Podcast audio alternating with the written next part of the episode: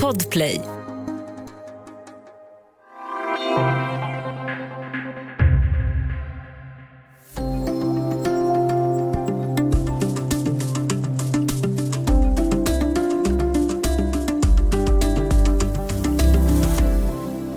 Vad läser du i sommar? Vilka böcker ger dig koll, kunskap eller bara vila och förströelse? Välkommen till Studio DN med mig Ylke Olago om sommarläsning och tips på böcker du inte vill missa.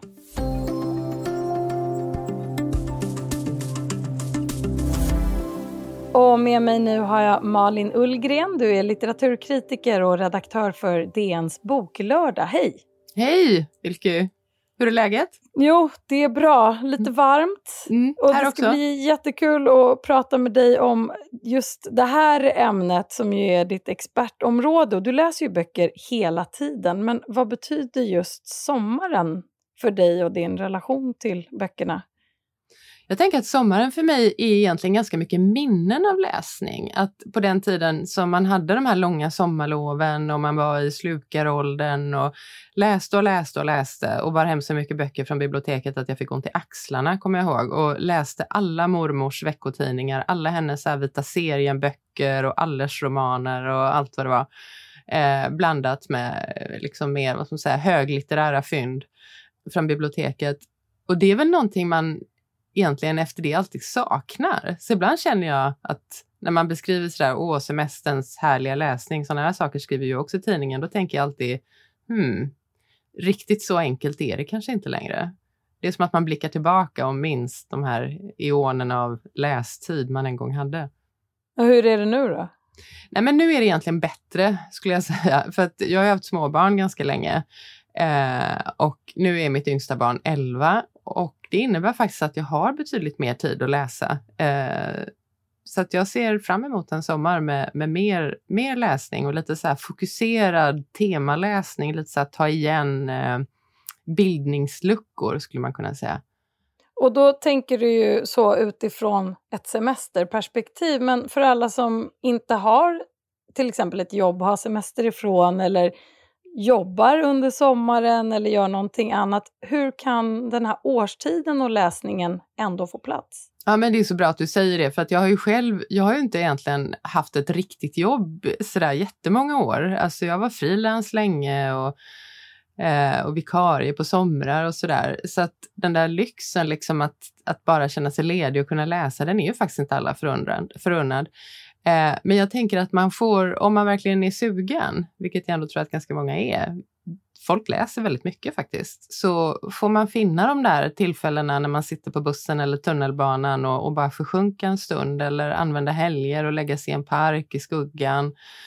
Eh, tåg tycker jag är egentligen den absolut bästa platsen att läsa på. Och du har ju med dig några tips på böcker mm. man kan läsa i eh, hammocken eller på tunnelbanan eller vad man vill. Och först ut är Karl Ove Knausgårds Morgonstjärnan. Vilket mm. behov fyller den sommaren 2021? Jo, men den fyller ju behovet på det sättet att, att jag tror att den är, är väldigt, lämpar sig för, för att ha tid att läsa. Därför att det, för mig funkar det, nu läste jag den som recensionsbok och då läs, alltså jag läste den som kritiker och då läser man kanske lite på ett annat sätt. Att man man fokuserar på att, att notera saker. Men det var samtidigt, och det var det som gjorde att jag insåg hur bra den var, att, att jag längtade efter att få fortsätta läsa. Och det är faktiskt inte alltid man känner så som kritiker eftersom det just är ett jobb, men att jag ville verkligen få försjunka i den igen, för det är just en berättelse att försjunka i. Vad handlar den om?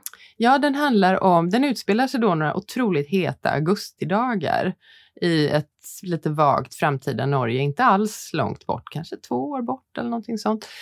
När märkliga saker börjar hända. Eh, någon sorts naturfenomen, vagt övernaturligt. Det börjar med att en, en otroligt ljusstark stjärna visar sig på himlen. Eh, och sen händer konstiga grejer. Det kommer djur som liksom krabbor som krälar i miljontal, eller tusental i alla fall, över grusvägarna längs kusten i södra Norge. Lite vagt djävulsaktiga gestalter dyker upp i skogen. Och det här berättas då genom elva olika individer. Eh, Och samtidigt som det här övernaturliga pågår, för jag är ju inte en sån läsare heller som kastar mig över fantasy eller jag är lite så här små fyrkantig och vill att det ska vara ändå någorlunda realistiskt på något sätt. Men det här är precis, det här är så snyggt gjort liksom, så att man upplever att man läser en otroligt så här, samtidsrealistisk skildring av liv egentligen. Av kärlek och relationer, föräldraskap, sjukdom, döende. Mycket döende, fast på ett bra sätt. Och samtidigt så finns den här fonden av att någonting otroligt skevt händer med världen. Och det är ju också kopplat då till en sorts eh, ja, klimatoro kan man ju säga, just för att värmen är så intensiv. Knausgård väcker ju starka känslor och, hos läsare och ja, men, litteratur, debattörer i största allmänhet. Och hans för, författarskap är ju tätt sammanflätat med hans person. Varför ska de som irriterar sig på honom läsa hans böcker? Ja, nej men det är en bra fråga. Alltså, jag tillhör inte de som tror att jag är jätteförtjust i honom som person, eller jag på att säga. Det vet jag inte, för jag har aldrig träffat honom. Men, men när jag läser vissa debattartiklar han skriver och han, han är liksom inne på att i Sverige vågar man inte säga som det är. Och, och det där är ju ett sätt att snacka och se på världen och politiken som jag själv är otroligt matt på. Men han är en så stor berättare så att jag tycker att det är värt att göra sig fri från de här intrycken man har av honom som, som person eller debattör och verkligen bara låta sig övertygas av hans konstnärskap. För det är verkligen övertygande. Han är en otrolig skildrare av intima relationer. Och med intima menar jag inte sexuella, utan jag menar de små vardagliga känslornas skildrare är han verkligen. Han gör det så otroligt precis och vackert. Samtidigt som han också är, tycker jag visar i den här boken, att han är liksom en kraftfull berättare. Och nästa tips är ju Ali Esbatis självbiografiska berättelse Man kan fly en galning men inte gömma sig för ett samhälle. Och den handlar ju bland annat om hur han överlevde terrorattacken på Utöja. Du skrev själv i DN att den är smärtsam, upplysande och avgörande. Mm. Berätta mer om vad läsaren får med sig. Ja, man kan ju säga att här fortsätter vi faktiskt ett Norge-tema också. Eh, egentligen samma del av Norge delvis tror jag, norska kustlandskapet, men i verkligheten. Och eh, det, det är ju nu tio år sedan Utöja inträffade och för mig var det en, en otrolig händelse. Jag var inte i närheten av Utöja när det hände. Eh, men det var liksom, jag, kan, jag vet inte varför. Det, jag tycker det var så oerhört, det var en så oerhörd händelse att alla dessa människor dödades av en högerextremistisk terrorist. Eh, alla dessa unga människor, liv som släcktes på ett så otroligt brutalt sätt. Det är så, det är så stort och fruktansvärt att det här har hänt. Och Ali Esbati var ju där. Han höll ett föredrag för de här unga aktivisterna och sen så fick han då tillbringa flera timmar med att försöka gömma sig undan Breivik. Och han skildrar det här i den här boken så otroligt bra. Alltså dels, dels rent eh, stilistiskt dramaturgiskt kan man säga, att han beskriver det han är med om på ett otroligt eh, starkt sätt. Alltså jag var tvungen, bokstavligen, det här säger jag inte bara, men jag var tvungen att lägga boken ifrån mig i vissa stycken därför att det är liksom skildringar av svårt skadade unga människor som det gör för ont bara. Man får ta ett djupt andetag och sen får man fortsätta läsa. Det är den ena delen av boken. Den andra delen handlar ju om efterspelet om tio år som har gått och vad som egentligen då inte hände kan man säga, nämligen att den här oerhörda händelsen inte fick till följd att högerextremismen eller högernationalismen eller högerpopulismen borde ha backat kan man tänka. Att det borde ha, borde ha varit omöjligt att föra den här typen av debatter eller politik i Skandinavien efter det här. Men det var ju precis tvärtom. Och hur det kunde bli så försöker han förstå. Vi ska ta en kort paus och sen prata vidare om dina tips på sommarläsning.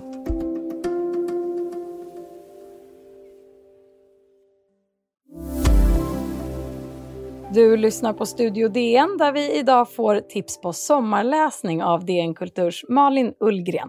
Och vi har ju gått igenom två av dina tre huvudtips och nu har turen kommit till 2020 års nobelpristagare Louise Glück och hennes Vild Iris. Det är poesi om naturen. Hur tycker du att vi ska läsa den i sommar?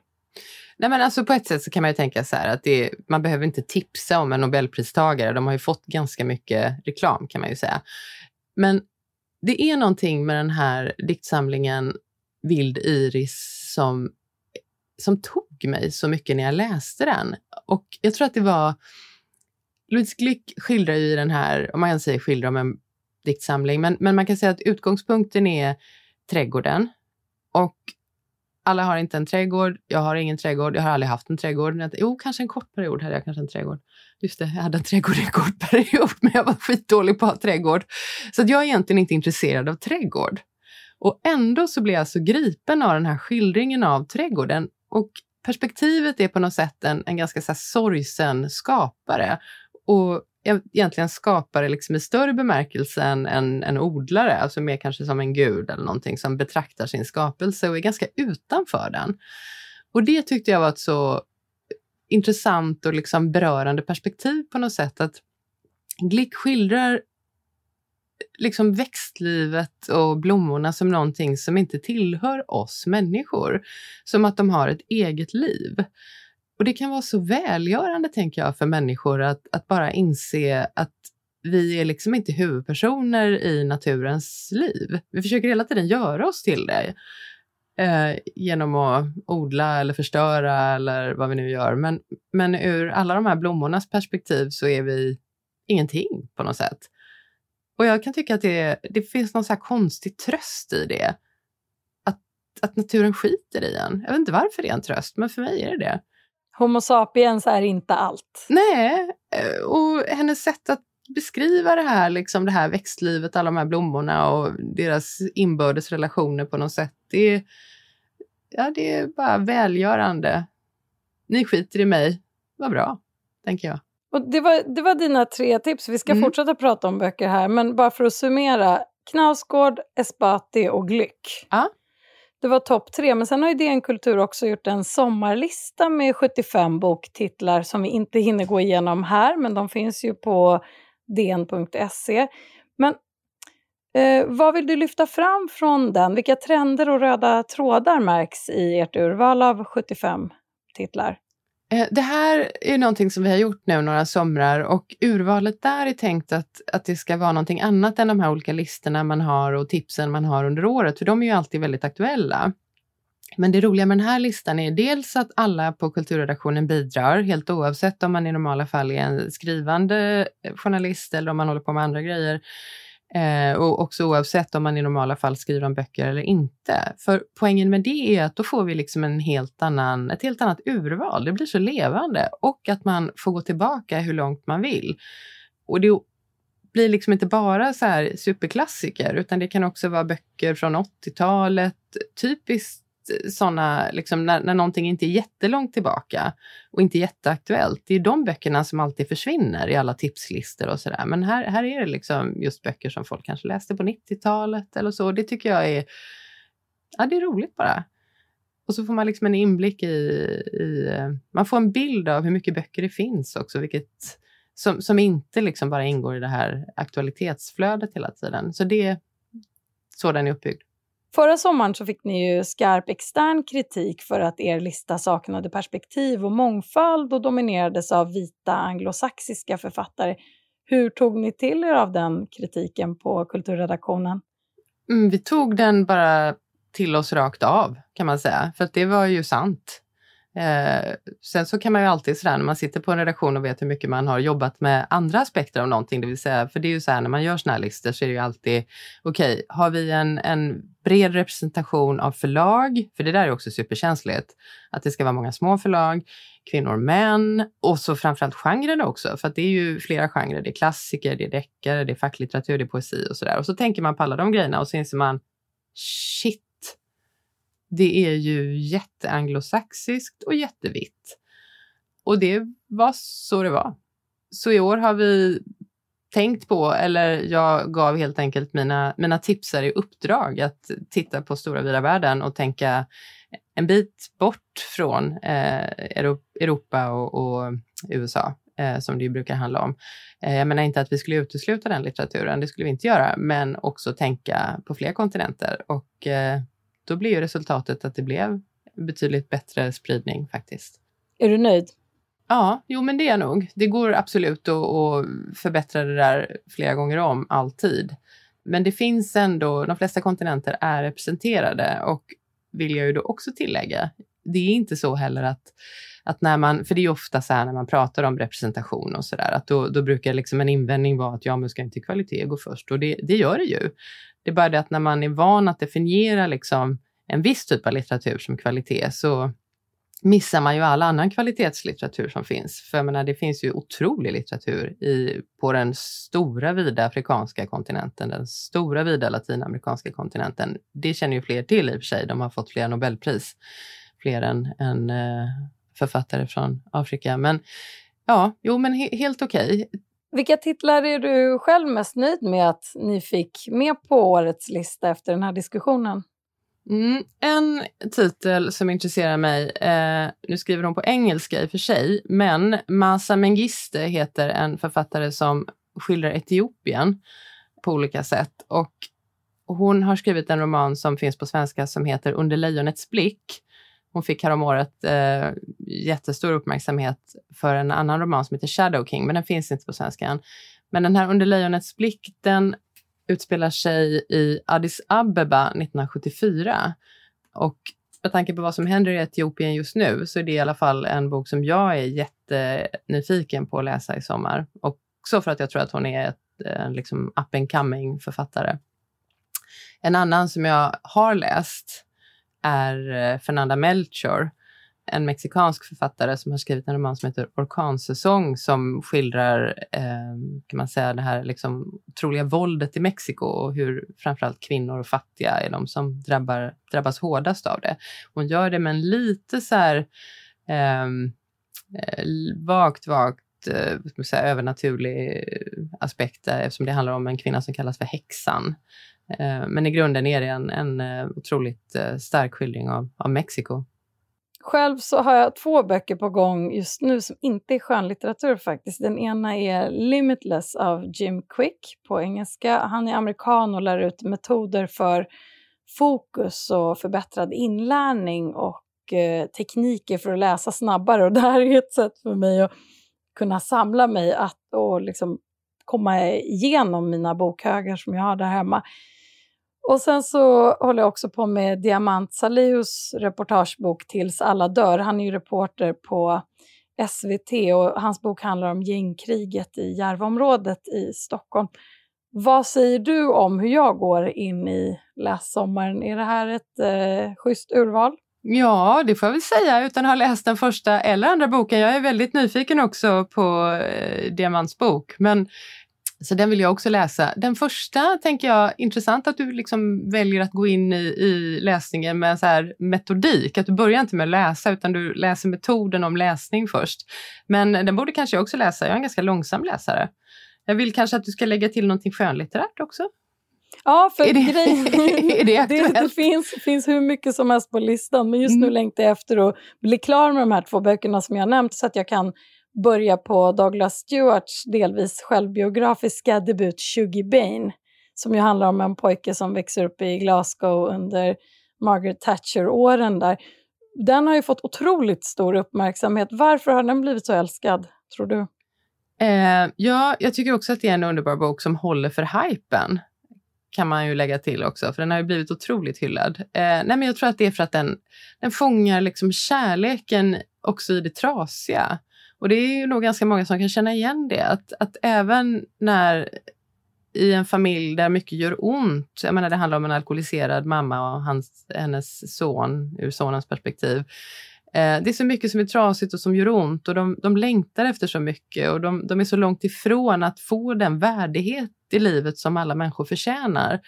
Men de, de kämpar för det och det finns mycket som är, är vackert där ändå på något sätt. Eh, eller kanske inte vackert, men ömt. Och det tror jag rör otroligt starkt vid många av oss.